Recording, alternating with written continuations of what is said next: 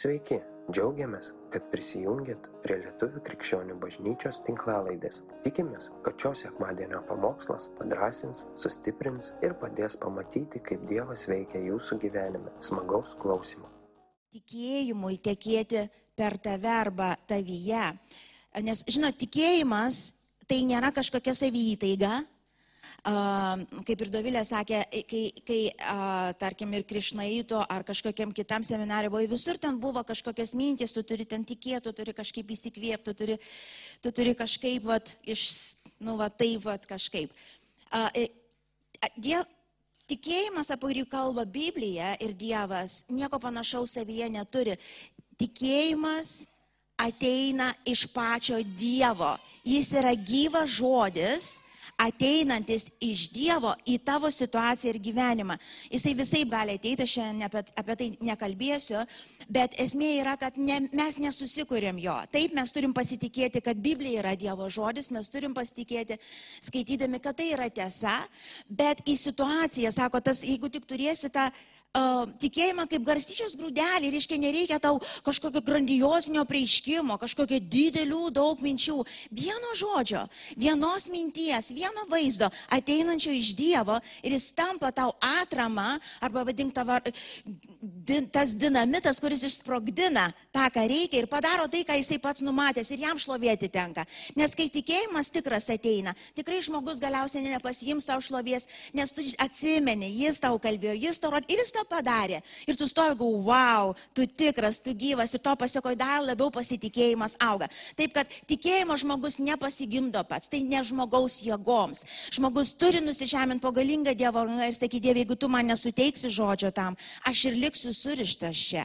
Jeigu tu manęs neišlaisvinsi šitoj vietoj, aš neturiu metodo kažkokio ar savy jėgos, kad imčiau ir nusitraukėčiau visus tos pančius. Bet aš žinau, kad tu duosi, žinau, kad tu išlaisvinsi, nes tu ant kryžiaus ir mirėjai dėl to. Tu esi už mano laisvę. Todėl mes pasi, pasitikėjimo einam, bet mes turim sulaukti vat, to, kas ateina iš jo ir to pasiekoj pats žodis, jis turi galę veikiamas Dievo dvasios įvykdyti tavyje tai, ką jisai nusprendęs. Taip tu dalyvauji, taip tu duodi tas iščias, kurie tas visas veiksmas vyksta, taip tu turi dalį. Iš to, bet iš tiesų tai yra Dievo darbai vykstantis tavie ir per tave. Ir kai skaitoma paštalų darbai, tai nėra paštalų darbai, tai yra Dievo darbai pirmoji bažnyčiai, vat, pirmuose mokiniuose. Taigi ir viena iš kliūčių, uh, ir šita mintis jau man senai yra atėjus ir gal tikiu, kad tai yra momentas, kada turim šitą tiesą iškelt. Ir šiandien, kada ir klausysit, klausykit su tokia širdim, Dieve, jeigu aš atrandu save šitoj vietoj, atleis man, padėk man, išvesk mane. Iš mūsų tik vieno te reikia - pripažinti, nusižemint ir šauktis Dievo vardo. Viskas, visame kame. Nei čia apsikaltinti, nei kažkaip išsisukinėti, nei kažkaip čia, žinai, įrodyti savo, kad taip nėra. Jeigu, žinot, kaip tam anegdotė, jeigu kiškis, tai ne Jėzus. Nereikia to teisingo atsakymo, kaip sėkmainiai mokyklai. Kas negirdėjot, pasakysiu. Nes labai dažnai krikščionybė taip atrodo. Kai a, mokykloje sekmadieniniai, kadangi sekmadieninė mokykla mes kalbam apie ką? Apie Jėzų vaikam, kalbam apie Jėzų iki šiandien. Ir mokytė uždavė um, myslę. Tiesiog, sako, atspėkit, kas turi ilgas ausis, trumpo pukuotą uodegą ir mėgsta morkas. Kas? Vienas vaikas atsistoja, sako, pagal visą jūsų aprašymą tai yra zuikis. Bet kadangi mes esame sekmanį mokyklai, tai Jėzus. Ir suprantat, mes labai dažnai, ta prasme, akivaizdus zuikis su morka dantyse, bet vaizduojam Jėzus. Jėzus, nereikia taip, nereikia. Jūs pragaištat savo laiką, leidžiat velniui to vietoj greuti jūsų gyvenimą, jūsų namus. Tai ne Dievo valia. Nusižeminimas tai yra pasitikėjimo Tai yra meilės apraiška, ar vadink kaip nori, tai yra, tai yra pamatinis dalykas, supratimas naudėvę. Tu pradėjai, tu ir pabaigsi. Nėra, kad tu pradėjai, aš pasibaigsiu. Tu pradėjai, tu pabaigsi, aš kiekvieną dieną kabinuosi į tave ir jeigu aš matau tas pukuotą uodegą, jeigu matau, kad ne taip, aš tiesiog drąsiai artinus prie tavo sosto, kaip ir Biblija sako, išpažįstu savo kaltes ar ten klaidas ar kažką ir šaukiuosi jo vardo ir tvirtai pasitikiu, kad kažkokiu būdu jis mane išves. Kas esat bandę taip? Pakelkite rankas. Tiesiog prie... Nežinau, kaip tu mane čia išnarpliosi. Nežinau. Nežinau, bet pasitikiu, nes neturiu kur daugiau eiti. Ir paskui net dažniausiai būna, paskui vieną dieną atsisukiu, galvoju, aš to jau nebenoriu, arba aš to nebedarau, man nebeliko to, kaip tu tai padarėjai Dieve viešpatė, žinai, tau šlovė, ar ne? Gal aš net nežinau kaip. Ir, ir kas bandėt patys laisvintis, laisvinotės, laisvinotės, nu kažkokius principus, krikščioniškus, aišku, principus, dėstė, dėjote savo vietas, laisvinotės, laisvinotės, laisvinotės. Ir paskui taip išsilaisvinot, kad jau taip susirišot, kad net siūlo galo nėra. Gal kažkada anksčiau nors siūlo galą, mačiau, dabar net nežinau, kurią pusę pasisuks. Kas buvo tokia vieta? Jo iš to. Tada irgi yra laikas šauktis Jėzaus vardo, nusižemint kurias ir sakyti, Jėzau jau išsilaisvinau pakankamai, dabar jau tu laisvink. Dabar jau tu padėk. Tai vad, kai ir klausot, tai yra nepasmerkimui, tai nėra pasipūtimui ir kažkokiam nuosavam teisumui pasireikšti. Tai yra tiesiog šviesai gyvenimui ir tiesai ateiti. Okay? Tai tam Dievo žodis sako, jisai, jisai drąsin, barti, jeigu reikia rašo, bet viskas esmė yra žmogaus laisviai. Taigi, paskaitykime Evangeliją pagal Joną, penktą skyrių, nuo 41 iki 44 eilutės. Šlovės iš žmonių aš nepriimu, čia Jėzus kalba, aš žinau, kad neturite savyje Dievo meilės. Aš atėjau savo tėvo vardu, o jūs manęs nepriimat. Jei kitas ateitų savo vardu, tą jūs priimtumėte. Taigi jūs ga, atsiprašau, kaipgi jūs galite tikėti, jeigu vienas iš kito priimate šlovę, o to šlovės, kuri iš Dievo ateina, neieško. Dar kartą, pasakykim garsiai visi kartu 44. Kaipgi jūs galite tikėti, jeigu vienas iš kito priima šlovę, o to šlovės, kuri iš vieno Dievo ateina, neieškot. Okay? Tai yra viena iš pagrindinių kliučių kodėl tikėjimas, kurį Dievas nori preikšti tavyje ir per tave, negali pasireikšti. Mumise, vad kaip šiandien mes gėdom, nugriauk sienas, tai tampa viena iš sienų, kuri vadink ateina ta Dievo jėga ir Dievo žodis, kuris nori apsireikšti ir pasireikšti, bet jis sustoja su likta siena ir jis negali prasiveršti toliau. Todėl, kad akis, vis, iš vis širdis, nei ten žiūri ir sako, jūs negalit gyventi dieviškam tikėjime dėl vienos priežasties. Jūs ieškot visai netų dalykų, jūs ieškot pripažinimo iš žmonių. Beje, ir jeigu ten pasiliksit, jūs nematysit Dievo valios, tai yra neįmanoma. Tai yra neįmanoma, nes o, tiesiog Aš paimsiu šiandien Sauliaus ir Dovido istoriją, nes galbūt tai akivaizdžiausias tas nupieštas vaizdas, abu šitie karaliai gyveno tam pačiam laike ir buvo visiškai toks drastiškas skirtumas iš esmės Davido ir, ir Sauliaus. Ir čia, jų gyvenimas labai stipriai gerai, tikrai gerai iliustruoja tai, ką šiandien noriu pasakyti. Mes prie, tos, prie jų grįšim ir uh, uh, aš žiūrėdama į juos ge, ge, kalbėsiu šiandien. Uh, dabar galvodama ir apie Saulį, galvodama ir apie Dovydą sakysiu, galvodama apie mus kalbėsiu, bet aš kelis tiesiog simptomus išrašiau. Aš žinau, kad jie ne visi, bet mano manimu tai yra pakankama ir dažniausia, kurie išduoda, jeigu mes iš tikrųjų iki šiandien ieškom žmonių pripažinimo, o ne Dievo. Nes kitas iki, žinai, mesgi visi sakom, aš Dievui tarnauju, aš Dievui noriu tarnauti, aš dėl Dievo gyvenu. Nu, mes visi, nu, jeigu paklausi, dėl ko tu gyveni, aišku, pasakysi, dėl ko. Tugi teisingą atsakymą, žinai, ir aš jį žinau, bet nebūtinai jis toks yra mūsų gyvenime, nebūtinai jo iš ko suprast, iš simptomų. Kaip lyga gydytojai nusprendžia, kas tai yra, pradžioj bent jau iš to kažkokie simptomai turi būti, kurie veda link, link lygos. Tai vad jeigu tam tikri simptomai yra, atkreipdėmėsi, greičiausiai šakny atrasti tai, ką reikia iš tikrųjų, už ką reikia atgailauti ir keisti su Dievo jėga ir pagalba. Uh, taigi, uh, vienas, pirmas gal iš jų. bus toks. Žmogus, kuris ieško garbės iš žmonių, pripažinimo iš žmonių, pastoviai lygins save su kitais, savo pasiekimas su kitais.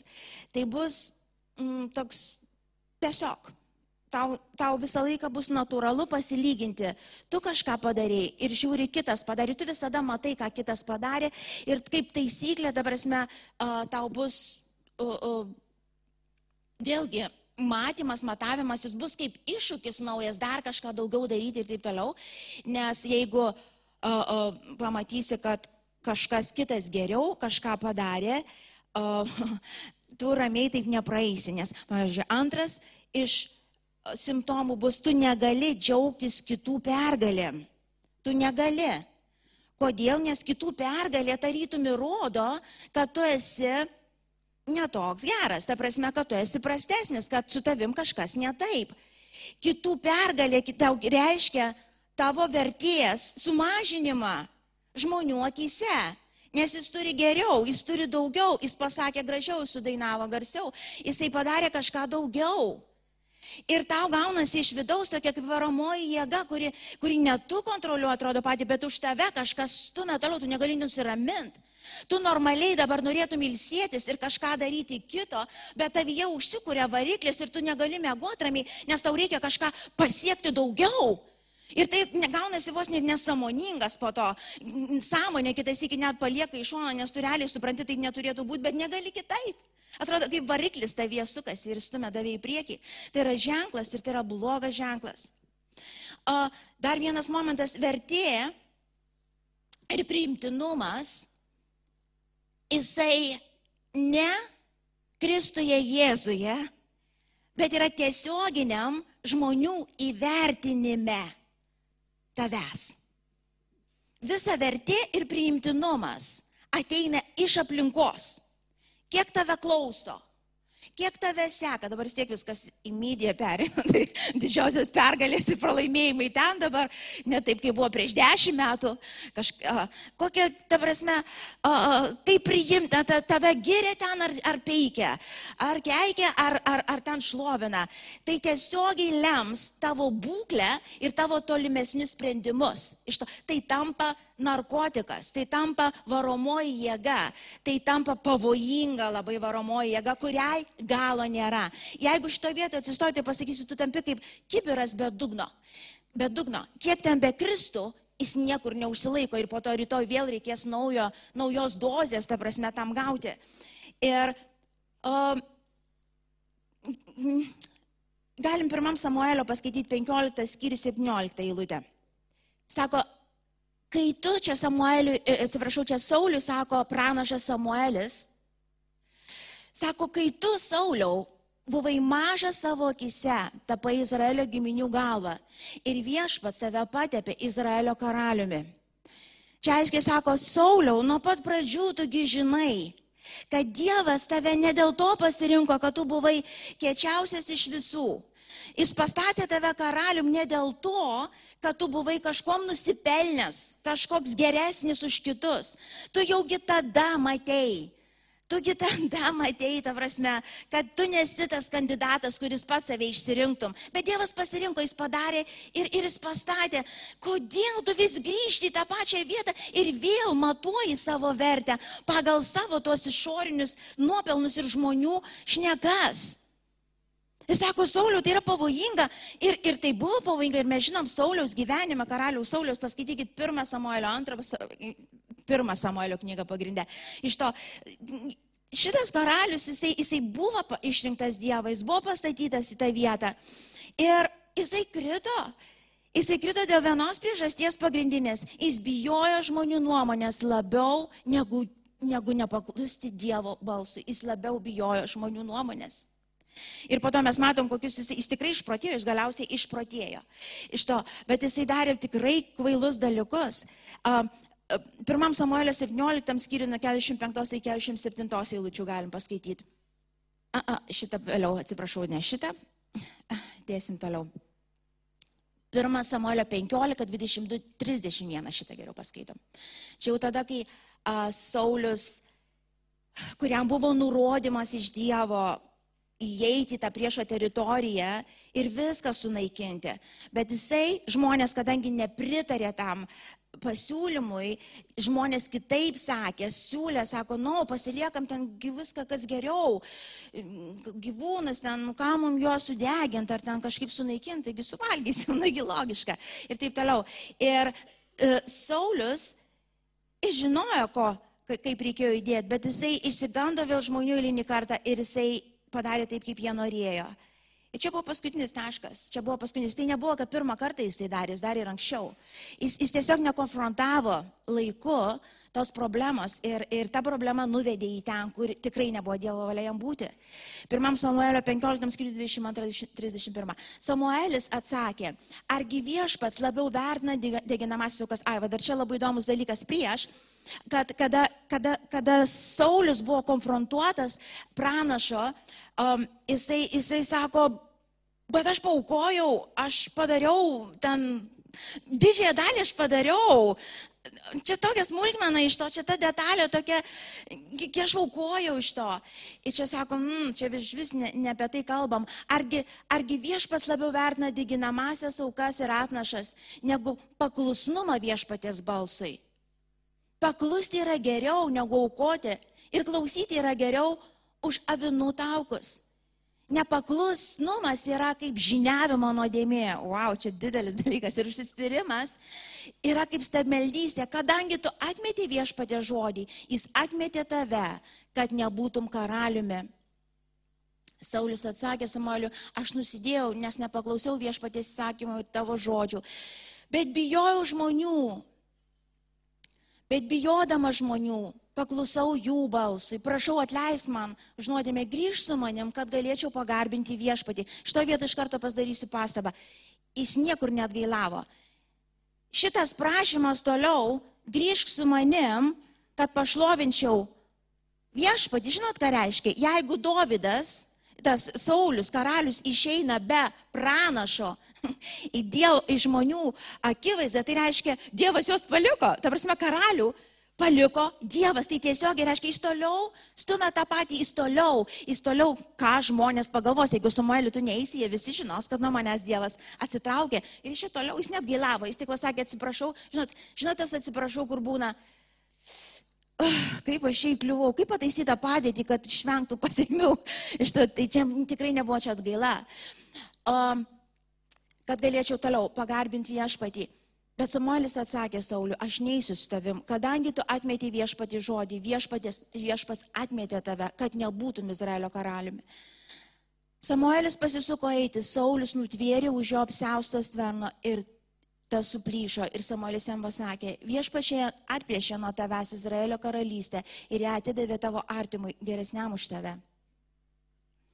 Čia į dešimtuką Samuelis, taip, Sauliau. Geresniam už tave. Nes tu visą gyvenimą taip ir dėliojai. Geresnis, blogesnis. Tu gražesnis, aš protingesnis, ar turtingesnis, ar dar kažkoks. Tai va čia Samuelis sako, šiaip geresnis už tave jau ką. Izraelio galybė nemeluoja ir nepersigalvoja nes jis ne žmogus, kad persigalvotų. Saulis tarė, aš nusidėjau, tačiau dabar prašau, pagerb mane tautos vyresniųjų bei Izraelio akivaizdoje ir grįžk su manim, kad galėčiau pagarbinti viešpatį tavo Dievą. Izraelis, atsiprašau, Samuelis sugrįžo su Sauliumi ir Saulis pagarbino viešpatį. Uh, žiūrėkit, čia, čia daug labai pasakyta. Šitoj vietoj Samuelis, jisai tiesiog kalba tiesiai Sauliu, sako, Sauliau, tas, kas atsitiko, problema visą laiką buvo ta pati. Ir aš esu tikra, kad tą momentą Dievas dar davė galimybę Sauliui atgailaut. Jis galėjo pasakyti tikrai, Ir nors žodžiais kaip ir skambėjo, kaip ir atgaila, bet širdis nekito, jis toliau laikėsi žmonių baimės, tik tai ateik, tik tai būk, ten nebus man gėda, ką žmonės pagalvos, nenoriu šitai pasirodyti, iš tikrųjų tik ateik ir būk, kad visi galvotų, kad su manim viskas tvarkoj. Kiek kartų mes patys, kiek kartų mes neišėjom į priekį, kai buvom kviečiami ir mes žinojom, mes žinom, būna tie momentai ir bažnyčiam susirinkime, ar tiesiog gal ir kitose aplinkose, iš to, kur tu žinai tiesiog, aš turiu pakelti dabar tą ranką, aš turiu išeiti padaryti liudijimą, aš žinau, dabar turiu išeiti paprašyti maldos, bet čia tiek akių Bet čia tiek žmonių, ką žmonės pagalvos. Jie pagalvos, kad aš kažkoks nedievotas, kad, kad, kad man sunku, kad, kad aš blogesnis už kitus. Ir kiek kartų mes prašaunam pro, iš šoną, kur tai yra momentas, suprantat, tai nėra Tai nėra žemiškas momentas. Ir jis nes, nesirimi jokiais žemiškais parametrais. Tai yra dangiškas momentas, tai yra galimybė iš dangaus, tau tam kartui nusileidus, kuri gali išlaisvinti tave čia ir dabar, kuri gali pakeisti tavo likimą, tavo, tavo posūkį, va, tą, kurio tu pats neišimsi, gali tau padėti šimt. Kiek kartų mes patys stovėjom tokia vietoje ir sustingom dėl ko, nes čia daug akių. Kiek kartų mes stovime ir mes norim iš tikrųjų pakelt rankas, kada šlovinam, ar ne, va čia ateina tokia, kada gėdam visi kartu ir taip norisi, arba pašokinėti kitas iki norisi. Nu, bet mes lietuviai, suprantant, santūrų žmonės, mūsų tautoje nešūkauja, kaip tarkim, kitų tautų, žinai, o, o, suprantat, čia nekalbam kokios tautos, čia kalbam Dievas arba ne. Kai ateina Dievas ir tau nori įsikelti rankas, tu nesi lietuvis. Supranti? Tu esi Dievo pilietis, Dievo karalystės pilietis. Tu esi Dievo žmogus, tavyje gyvena Dievo dvasia. Bet kol mes bijom tos lietuviškos kultūros, kuri be galo daug teismo lietuviškoje kultūroje, šiaip ir visur, bet mes lietuviai, gal kuo mažesnė tauta, tuo bailesnė ir, ir, ir tuo daugiau įsivaizduojanti, kad supranta, mažiau tolerancijos lieka. Ir iš tikrųjų aš žinau, aš žinau, ką reiškia tas spaudimas. Ir mes visi su juo susidurėm. Ja, ar, ar Dovydas, kuris yra priešingybė, Saulio, ar jis nesusidūrė su tuo? Absoliučiai susidūrė, tikrai susidūrė. Esu tikra, kad susidūrė. Ir, uh, bet skirtumas tarp jų buvo vienas. Dovydas ieškojo Dievo šlovės ir pripažinimo. Saulis ieškojo žmonių. Todėl jų ir pabaiga visai skirtinga. Visiškai skirtinga. Nors tam tikrų laikų jie atrodė vienodai.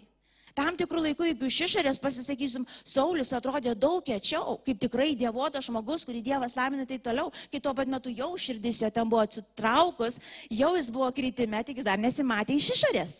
Dievas iki paskutinės minutės duoda šansą žmogui.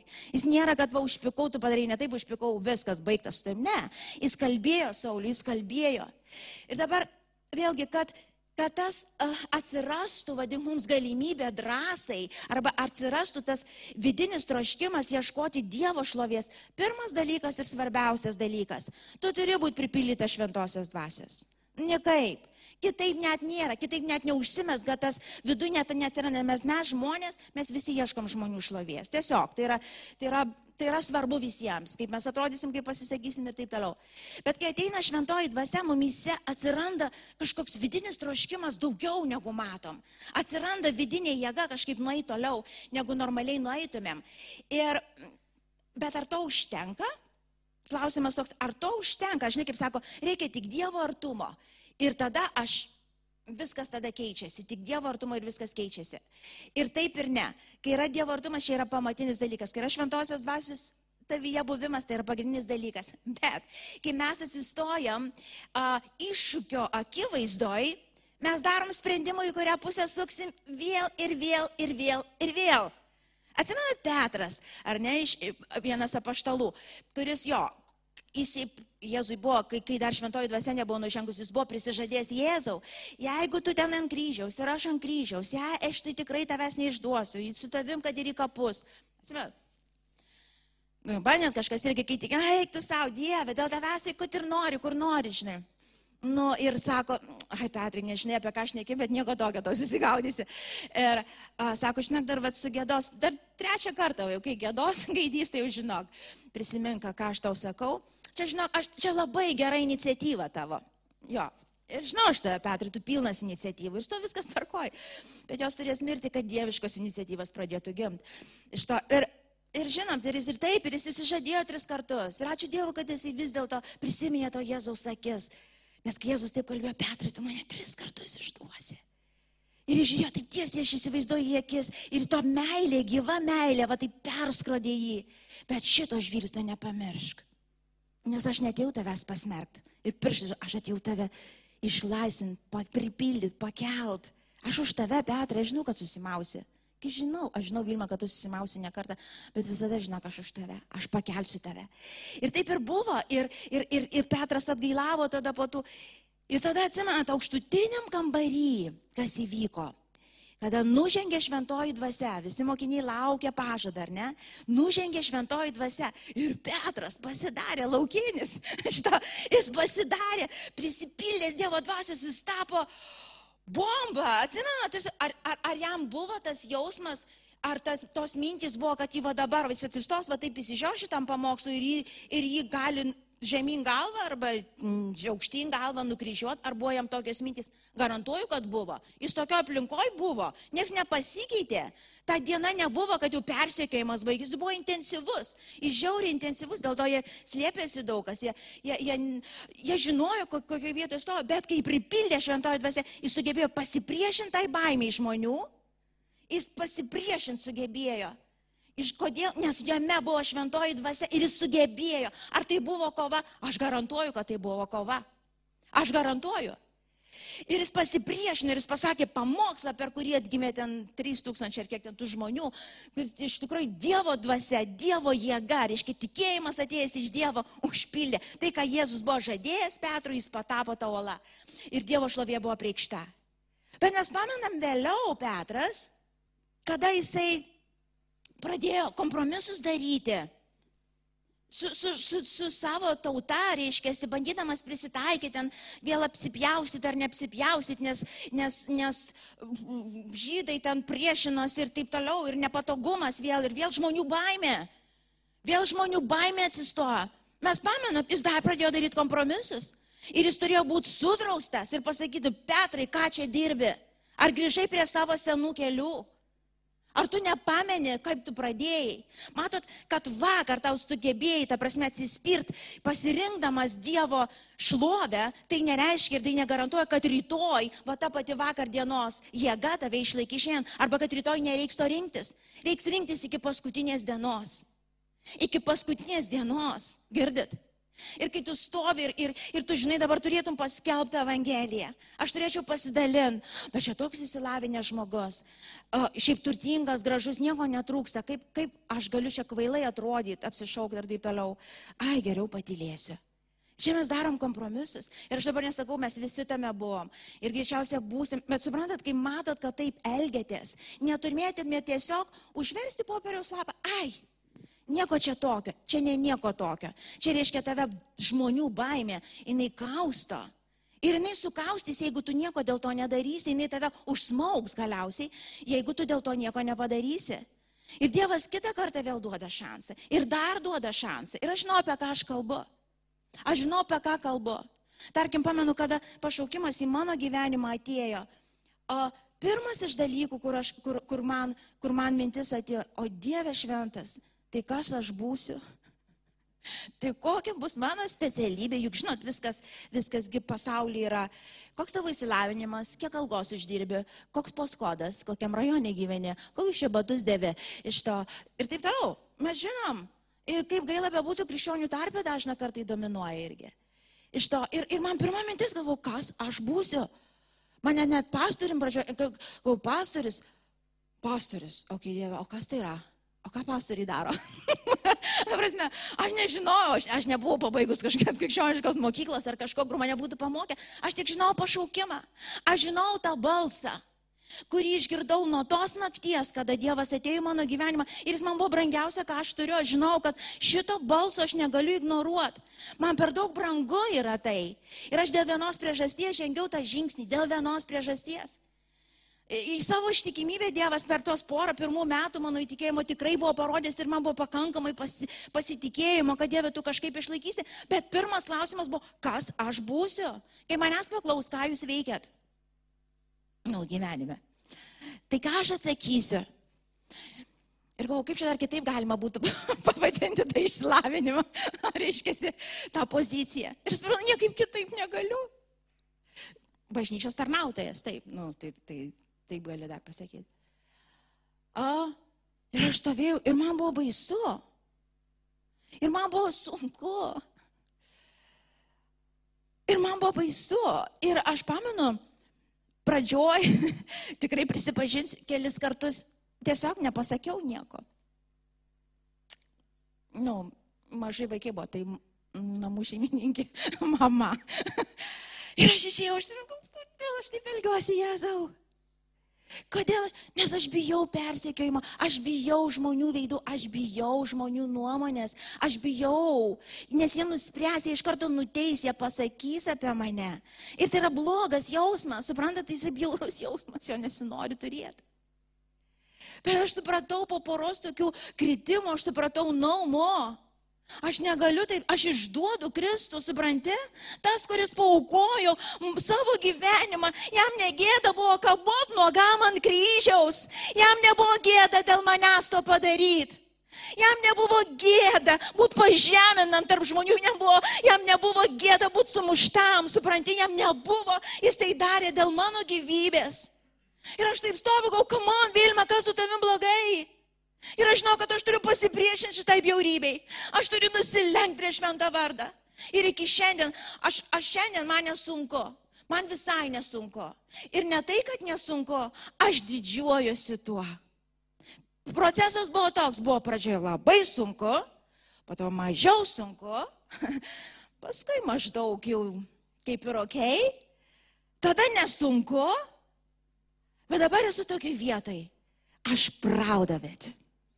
Aš esu Dievo išrinkta tai daryti. Ir tai yra privilegija bažnyčia. Tai yra privilegija. Ir dabar aš jums galiu pasakyti, šiaip iš bažnyčios kitokius persekiojimus patiri paklusęs Dievui. Bet, bet čia kalbu iš išorės. Ir dabar, kai aš pasakau, ar žmonės nepasijokia, ar žmonių žvilgsniai būna visada tokie, kaip aš norėčiau, ne. Bet aš dabar suprantu, iš kur tai ateina. Ir aš žinau, kad jie visai ne su manim kovoja, bet jie kovoja su Kristumi, kuris yra manyje. Nes Jėzus perspėjo, sako, jeigu jūs norėsit būti mano mokiniais ir sekti manim, jūs persekios kaip ir mane. Žinokit, kai atsistosit ir skelbsit Kristų, jiems juk didžiai daliai kryžius yra džiaugas, juokas, pasibjaurėjimas, išjuokimas, parodys kvailiai, va tie kvailiai. Ir, ir tu tų, tų reakcijų visokių sulauksi iki paskutinės dienos, jų visokių bus. Tie žvilgsniai lieka, bet jie manęs daugiau nebejaudina. Kodėl? Nes aš matau kitaip. Bet dabar, ar tai atėjo tas matymas iš karto, ar aš tada nebuvau pakrikštinta šventąją dvasę, ar manyje šventoji dvasė nebuvo, kai tuos pirmus kartus aš vis dėlto nepasakiau, koks mano darbas buvo. Bet aš vis tiek stovėdama rinkausi, ar aš Dievui pasilenksiu toj vietai, ar aš žmonėms pasilenksiu. Vis dėlto kova lieka, girdit. Neužtenka, žinai, kaip kitas įgi girdėjo, tik tai būk pripildyta šventąją dvasę, tik pasilik prie jo sosto ir taip viskas tai smūdliai, žinai, kaip darydavau, uh, važiuoja, nu taip nėra tu pripildytas, tu prisipildai šventąją dvasę, išeini, o ten uraganas. Ir tu taip išeini ir vis galvoji, ar aš prisipildžiau ar neprisipildžiau, Dieve, gal bėgo atgal namo. Jausmas toks aptinka tave, ar ne taip, ar čia man vienai tik būna, kai tu pripildai šventosios dvasios, tai nereiškia, kad tu baimės nepatiri. Tai nereiškia, kad tu nematai tų akių, kad tu negirdi tų komentarų, tu girdi, tu matai, bet galiausiai tu darai sprendimą, no, aš niekur atgal nesitrauksiu. Bet aš, aš nežinau, daugybę istorijų girdėjau, bet uh, kie, kada jūs tik tai ir patikit, vadink, priimat Kristų, paprastai, net labai labai protingi geri tėvai, netikintys, sukyla prieš vaikus. Ta prasme, aš nežinau, girdėjau, man taip nebuvo, bet daugybę istorijų girdėjau. Nu, dar jų buvo jo. Kur atsimenu labai iš Darius tėvų, kurie abu intelektualai, abu dėstytojai ir visą gyvenimą jį mokė doros kelio, kaip žmogiškai įmanoma padaryti.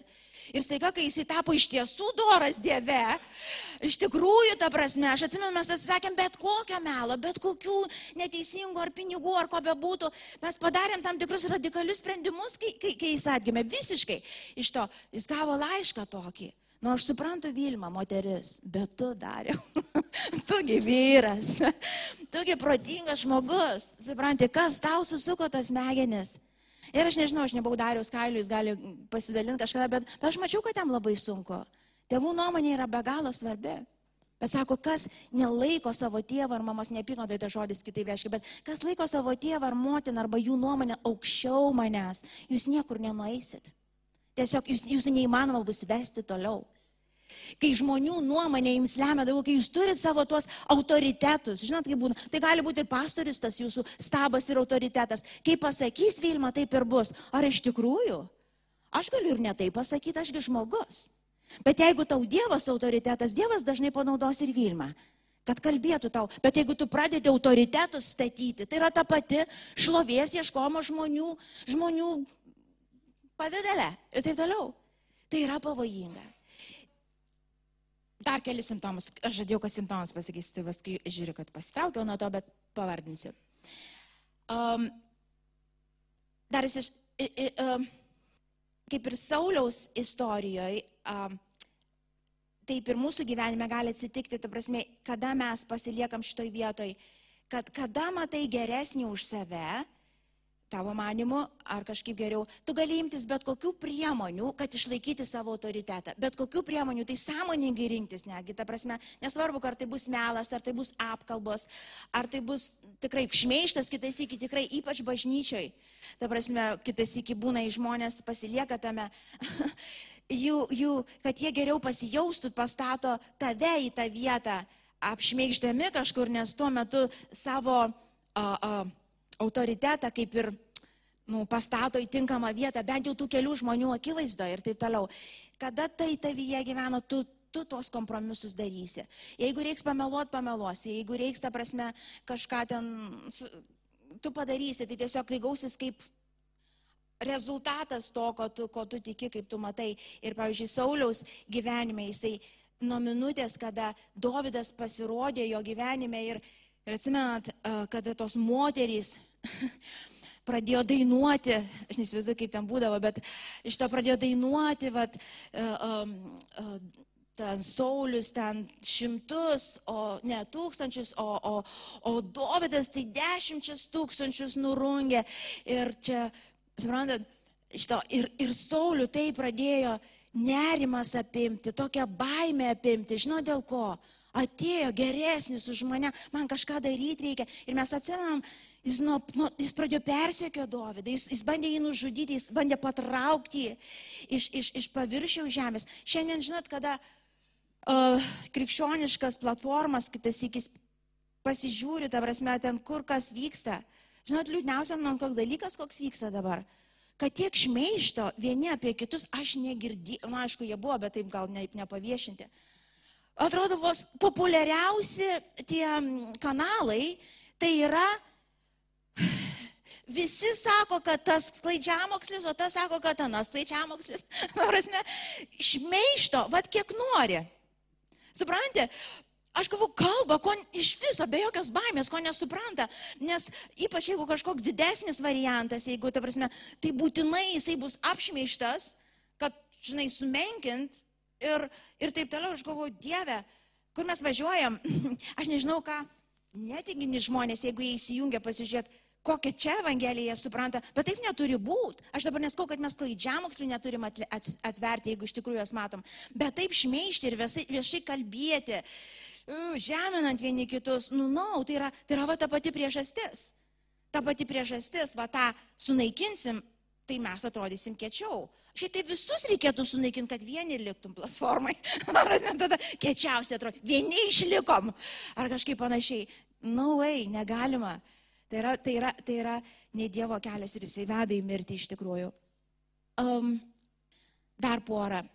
Žmogus, kuris taip gyvena, jis negali pripažinti savo silpnumo. Jis negali, jis, jis šiaip perfekcionizmo žmogus toks linkęs, jis negali pripažinti, kad aš turiu silpnybių, kad man sunku, kad man blogai. O čia yra pagrindinė, pagrindinis Kodėl mes ateinam pas Dievą dažniausiai, nor ne taip. tu ateini paprastai Dievą, nu, man blu, aš silpnas, man blogai, aš net žodžio šiandien pralementi negaliu. Bet toks žmogus, kurio yra pastatyta visai ant kad kitko, vat, kitur ieško šlovės, jam pasakyti, kad aš silpnas, tai reiškia įrodymą savo, kad aš nieko vertas, aš niekalas visai. Ir jis viską darys, kad tai slėpt, kaukės keis, ką nori, bet jisai stovės tvirtai, kol galiausiai arba atgailaus, arba, arba žlugs.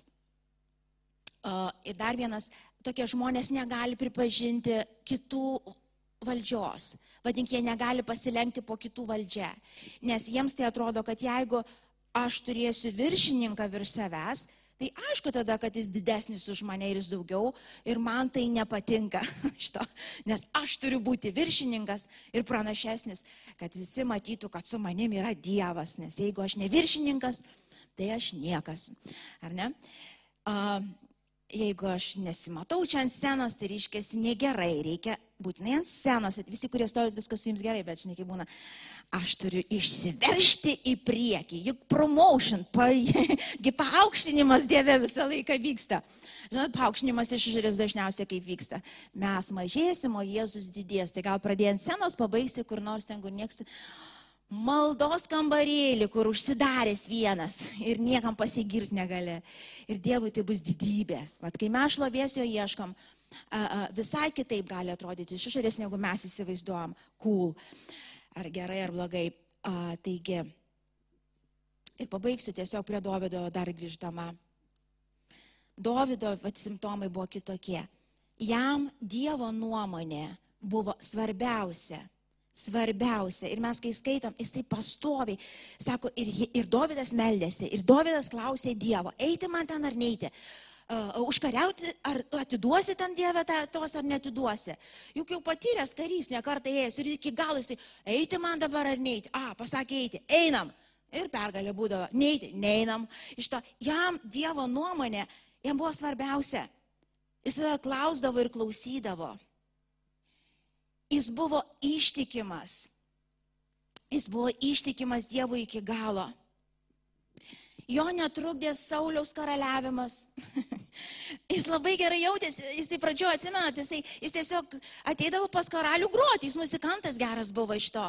Ir jis, wow, eikit savo, aš pas karalių groju, ta prasme, davė man ten kamputį, ta prasme, smūką ir aš ten groju. Žinai, ką veikė, wow, karalių, jo visai netrukdė kad šalia buvo karalius. Jis kaip tik tai buvo jam privilegija kažkam nusižeminti, kažkam tarnauti. Davidas žinojo, kas jis yra Dieve. Jis niekad nesirėmė to, ką jis matė. Tas geriausias įrodymas yra kaip su galijotu, ar ne, jisai susigrūmė. Neįsivaizduoju. Uh, jis taip stovi į tą galijotą. Uh, ir aš žinau, kad tuo metu jisai matė tikrai Dievo akimis jisai logiškai galvojo, nu, bet jis neleido tai logikai pasilikti čia. Jisai buvo gavęs tikėjimą iš Dievo, kad Dievas atiduos šiandien jį. Jis neėjo šiaip sugalvojęs, žinai, sugalvojau, parodysiu aš jiems visiems, kaip čia sėdit bailiai, va, visi izraelitai dreba, čia tipo Dievo karai, kareivyje. Ateisiu, aš jums parodysiu, kaip reikia kariauti. Nu, jisai būtų ir kritęs tenais. Bet jis žinojo, Jis buvo tikėjimą iš Dievo gavęs. Kodėl? Nes jisai jo klausė, klausė ir darė. Jis tai dar ganydamas avis išmoko, sako, jis ten ir su uh, liūtai, ta prasme, ir su liūtais, su meškom susigrumdavo. Jis žinojo, kada ką daryti, nes jisai Dievo nurodymų klausė, nes tie nurodymai jam buvo svarbiausia, ką jis turėjo savo gyvenime. Ir jis žinojo, kad galijotą Dievas atidavė, kaip tu žinai, nes kai jie stovėjo ir ten galijotas, nu va šiandien sušersiu tave ten kažkam ir taip toliau. Iš to, sako, baigtų jokauji. tu jokauji, tu nežiūrėk, kad čia aš toks mažas ir ta prasme nepatyręs karys, taip kaip tu. Bet žinai kaip yra, aš einu Dievo vardu. Žinok, čia, tu, ne, čia ne Dovydas. Jeigu Dovydas stovėtų, tai pritariu. Bet čia ne Dovydas stovi, prieš tave stovi kareivijų viešpats. Ir aš einu jo vardu. Ir tu šiandien žūsi. Ir šiandien galvą tavo nuimsiu. Kodėl aš žinau, Dievas man tai pasakė. Jis ėjo tam užtikrintume ir tikėjime. Ir ta prasme, ir tai, kas įvyko, tai žinojo jau. Tai nebuvo kažkokia, žinai, arogancija ir taip toliau. Nors tikėjimas kai kada atrodo kaip arogancija. Tu, tu dar šiandien žūsi ir taip toliau. Bet jis žinojo. Jis žinojo ir darė pagal tai, ką žinojo. Uh, Dovydui nereikėjo niekieno pripažinimo. Kai jis ir atėjo pas, pas karalių jau pas, pasakyti, kad jo, aš eisiu, aišku, karalius pasižiūrėjo, pabandė aprengti su tais rūbais, Saulis labai tvirtas, aukštas, gražus žmogus buvo. Ir ten tais jo rūbais bandė aprengti, Dovydas paskendo. Ir ten, bet įsivaizduok, čia karaliaus rūbai. Jeigu, jeigu, jeigu šiaip ieškant žmonių nuomonės, tai kad ir nepaino eisiu šito. Taigi čia ne šiaip, o čiagi karaliaus e, drabužiai, taigi visi matys, kad su karaliaus drabužiais atėjau. Bet jis žinojo, kad karaliaus drabužiai neišgelbės. Jis žinojo, kad niekam neįdomu čia tie drabužiai. Jis sako, plys, ar galėtų mane nurengti? aš žinok, ne, ne man čia, ne, nežinau, aš eisiu kaip yra, o tai kokie ginklai bus tavo, nu, aš pasirinksiu akmenukų, ten mačiau tokie gludnus tokie, uh, nu ir ten svaidyklę tokią turiu. Šiaip tai ir ten, ir, ir, ir į liūtą taip mes davau, ten, ten mešką, ten gerai visai viskas eidavo. Aš nežinau, kaip jūs galvojat, ar, ar aš net matau karaliaus veidą. Nu, taip žmogiškai žmonių supratimu, jeigu dėstant, taip žiūrėjau, galvoju, vargšiukas, eik bent skaniai pavalgysi paskutinį kartą. Aš to kažkaip gaila man tavęs, nu bet jau taip nusprendai. Tavo, tavo, tavo reikalas jau čia ne man nuspręsti šito. Bet tikrai iš jo juokėsi. Really? Really? Arba dar durniau, kur tuos septynis kartus reikėjo eiti. apie tą, apie tą miestą. Ir dar septintą kartą riekti. Žinai, dar šešis kartus, tai dar bent tyliai, gal niekas nepastebės, tyliai, tyliai, tyliai, einant, tyliai, tyliai. Tai dar nieko, dar tyliai, tyliai. Bet dar esu, riek, žinai. Really? Ir aš dabar sakau, kad Dievas toksai keistuolis ir visą laiką nusves į kažkokius keistus dalykus. Bet mes labai dažnai stovėsim keistuose vietose, kur tikrai žmonių akimis tai kvailystė. Ar buvo kas nors tokiose vietose? Tu stovi ir galvoji, Dieve, kaip aš dabar atrodau. Bet paskui paklausė, o tai prieš ką man dabar reikia atrodyti? Nu, ar prieš juos, ar prieš tave, Dieve? Ne, Dieve, aš noriu prieš tave atrodyti. Nu, tai ką nori, tą galvokit. Galiausiai vis tiek atsiskaitysiu už savo galvojimus. Iš to. Ir tu stovi ir tu renkiesi. Ir tu renkiesi. Ir Dovydui ne, ne, nebuvo svarbu. Galvokit, ką norit. Aš žinau, ką turiu padaryti. Pabaigsiu dar keliais klausimais tokias paprastais, negi, pavyzdžiui, renkantys specialybę. Jauni žmonės, nebūtinai jauni, kol dar gyvi galit keisti specialybę. A, klausimas toksai, ko vedami jūs renkate savo specialybės? Ko vedami? Iš mano patirties, kiek man tenka konsultuoti ir jaunų žmonių, ir paskui jau ne jaunų, kurie padarė sprendimus jaunystėje, didžioji dalis, čia mano patirtis, gal yra ir kitaip, didžioji dalis žmonių mokėsi tuos mokslus, kurių nekentė nuo pat pradžių Bet kadangi gerai mokėjo toje specialybėje ir jinai pripažinta žmonių akivaizdoj, tai jie ėjo į tas rytis. Arba kiti iš baimės mamai arba tėčių nesliepia tau taip daryti. Ir jie nuėjo į tas rytis ir jie prasimokė ten tuos metus ir jie dirba kai kurie iki dabar tos darbus, kurių nekenčia. Bet kai tavęs paklausia, koks tavo išsilavinimas ir kur tu mokaisi arba kur tu dirbi. Aš esu gydytojas. Dieve, apsaugok mus nuo tokių gydytojų. Viešpadė, bent mane, prašau, apsaugok mus nuo tokių gydytojų. Aš geriau pati pasigydysiu, kur nors Google įsigūglinsiu. Tai prašiau nebus. Suprantat, kai žmogus ne savo vietoje, ne savo pašaukime, visų pirma, jis pats nelaimingas ir dar mus nelaimingus padaro. Suprantat, žmogus, kuris įeina į savo pašaukimą, įeina į tas specialybės, įeina į tas vietas, jis patiria laimę, kurios negaus iš niekur kitur. Ir jie tampa palaiminimu žmonėms aplinkiniams. Suprantate, yra, tai yra dieviškas kelias, bet dažniausiai kodėl nepataiko žmonės? Todėl, kad bijo žmonių nuomonės. O ką jie pasakys? O kiek tau mokės? Ar tu išgyvensi? Čia dar kita, bet nesiplėsim prie to. Bet pirmą, ar tai, ar, tai, ar tai žmonėms priimtina? Ar žmonės už tai mane pagirs? Ar žmonės mane paklaus, really, gaila man tavęs? Nu, tai ar išgyveni kaip nors ten? Matot, kai Dievas veda kažkur į tave, pinigai niekada ne problema. Įsitikinau šimtą kartų. Jeigu reiks kurapkos pradės kristi tau prie tavo, į tavo kiemą, sveikos, gyvos, įlips į keptuvę. jeigu reiks, aš čia dabar neskau, kad mes taip tikėjimu kurapkos sušauksim ar kažką. Bet, bet jeigu reiks, Suprantate, tu su Dievu susiduri.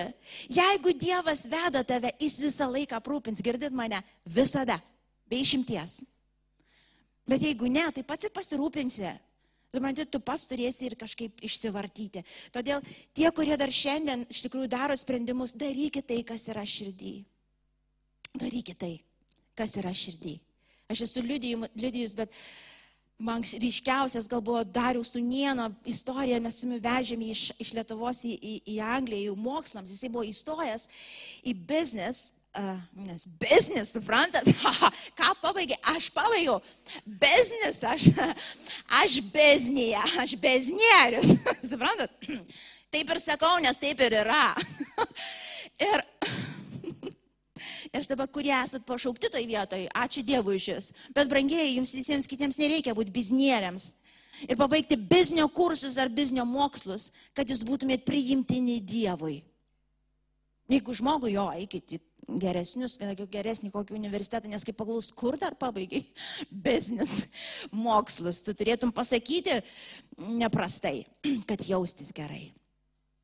Ir aš atsimenu, jisai buvo įstojęs ir, ir važiuojam, ir man taip širdį, žinot, kai būna taip snagina, bagina, galvoju, kažkaip, sakau, jo, galniau, jo, sakau, tai jau tu važiuoji mokyti, jo, jo. Sakau, o tau patinka, sakau, nes aš žinojau, aš jį kažkiek pažinau, kalnis biznis, kalnis, nu, no, nu, kalnis ir biznis neina kartu. Nu, visai neina kartu. Iš to, ir sakau, to tikrai patinka jisai. Ne, sako, teta, nepatinka, bet gerai moka. Aš sakau, really? Ir sakau, ir tu visą likusį gyvenimą sutinki eiti į darbą, kuris savo nepatiks? Ir jis taip sukluso. Sakau, kalniu, o ką tu iš tiesų, jeigu negalvotum apie pinigus, norėtum daryti? Teta, aš tai noriu su kompais kažką daryti. Tai sakau, kalniu, keisk mokslus. Bet tai kaip keisti, jau dvi savaitės iki mok, bandyk, sakau, jeigu ką. Ir jis atsimena, jisai parašė į savo universitetą ir buvo vieta viena, kur priėmė jį, pakeitė prieš pat pat mokslų pradžią, jis išdryso pakeisti, jis išdryso pasipriešinti tam mąstymui, žmonių nuomoniai pasipriešinti. Ir išėjęs laimingiausias žmogus žemėje iš jo, jisai daro, kas jam patinka, jam jo darbas nėra darbas, jisai džiaugiasi tuo. Suprantat, tai yra Dievas, bet Bet kad tas tikėjimas ir tas pasiriškimas įvyktų, mes turim pasipriešinti.